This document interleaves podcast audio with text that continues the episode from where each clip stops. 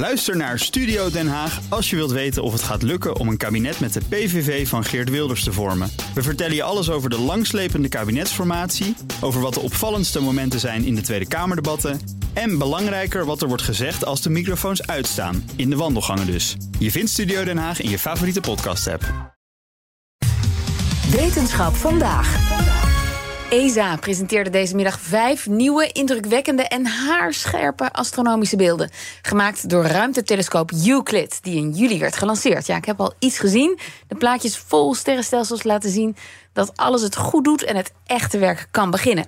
En dat echte werk bespreken we met wetenschapsredacteur Carlijn Meinders. Nou, Carlijn, dit is goed nieuws. Dit is goed nieuws. Hier zijn ze bij ESA heel blij mee.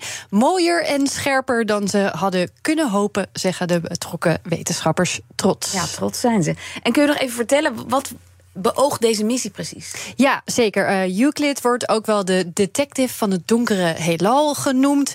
Want wat ze tijdens deze missie willen bestuderen is hoe donkere materie en donkere energie ervoor hebben gezorgd dat ons heelal eruit ziet zoals het er nu uitziet.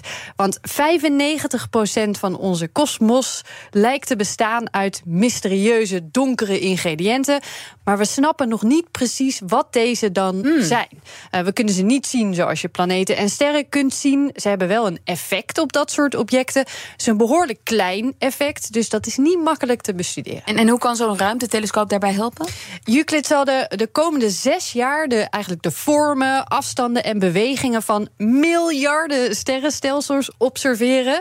En de telescoop kijkt daarbij heel ver en heel breed. Dat is ook meteen een van de verschillen met bijvoorbeeld James Webb. Die telescoop zoomt heel veel in op details. Euclid pakt een veel groter stuk van de hemel. Mm. En het plan is om zo de grootste kosmische 3D-kaart mm. ooit te maken. En een beetje licht in de duisternis eh, te creëren. Wauw. Maar goed, dat moet alles dus wel werken. En dat is dus vandaag aangetoond. Ja, uh, de beelden laten zien dat het lukt om zo'n enorm stuk hemel vast te leggen. En zelfs als je daarop inzoomt op hele verre sterrenstelsels, dan blijft het allemaal scherp. En dat was precies de bedoeling. Maar als je dan alles uh, scherp in beeld hebt, ja. Uh, wat, ja, wat, wat zegt dat dan over donkere materie? Dat kan je toch helemaal niet zien? Nou, donkere materie trekt onder andere uh, sterrenstelsels naar elkaar toe.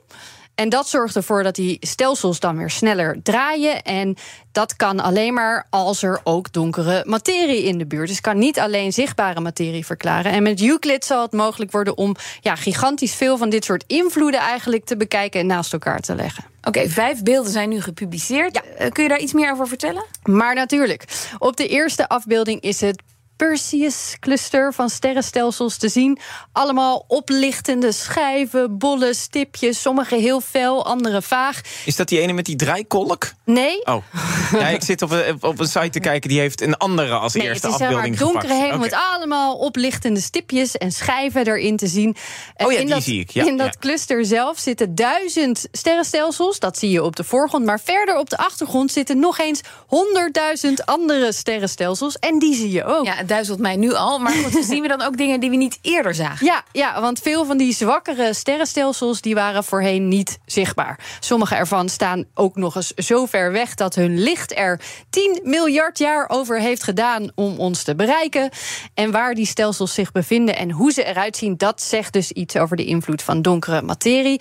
Op de tweede afbeelding zie je het prachtige spiraalvormige... daar is hij, oh, sterrenstelsel. Kijk, nu weet ik weer waar we zijn. Ja. IC342 dat zit een beetje verstopt achter de goed gevulde schijf van onze melkweg en is dus moeilijk te zien eerder vastgelegd door Hubble. Maar Euclid is het gelukt om dankzij hele goede infraroodwaarnemingen nog veel meer in beeld te brengen. En dat levert volgens ESA nu al nieuwe kennis op over de sterren in dit sterrenstelsel. Dat erg lijkt op de Melkweg overigens. Oké, nou we hebben nog, laten we nog eentje doen. We hebben nog tijd. Ja, oké. dat is uh, moeilijk kiezen. Uh, de, nou, de Melkweg is spiraalvormig. We hadden het net over nog één die de vorm van een spiraal heeft.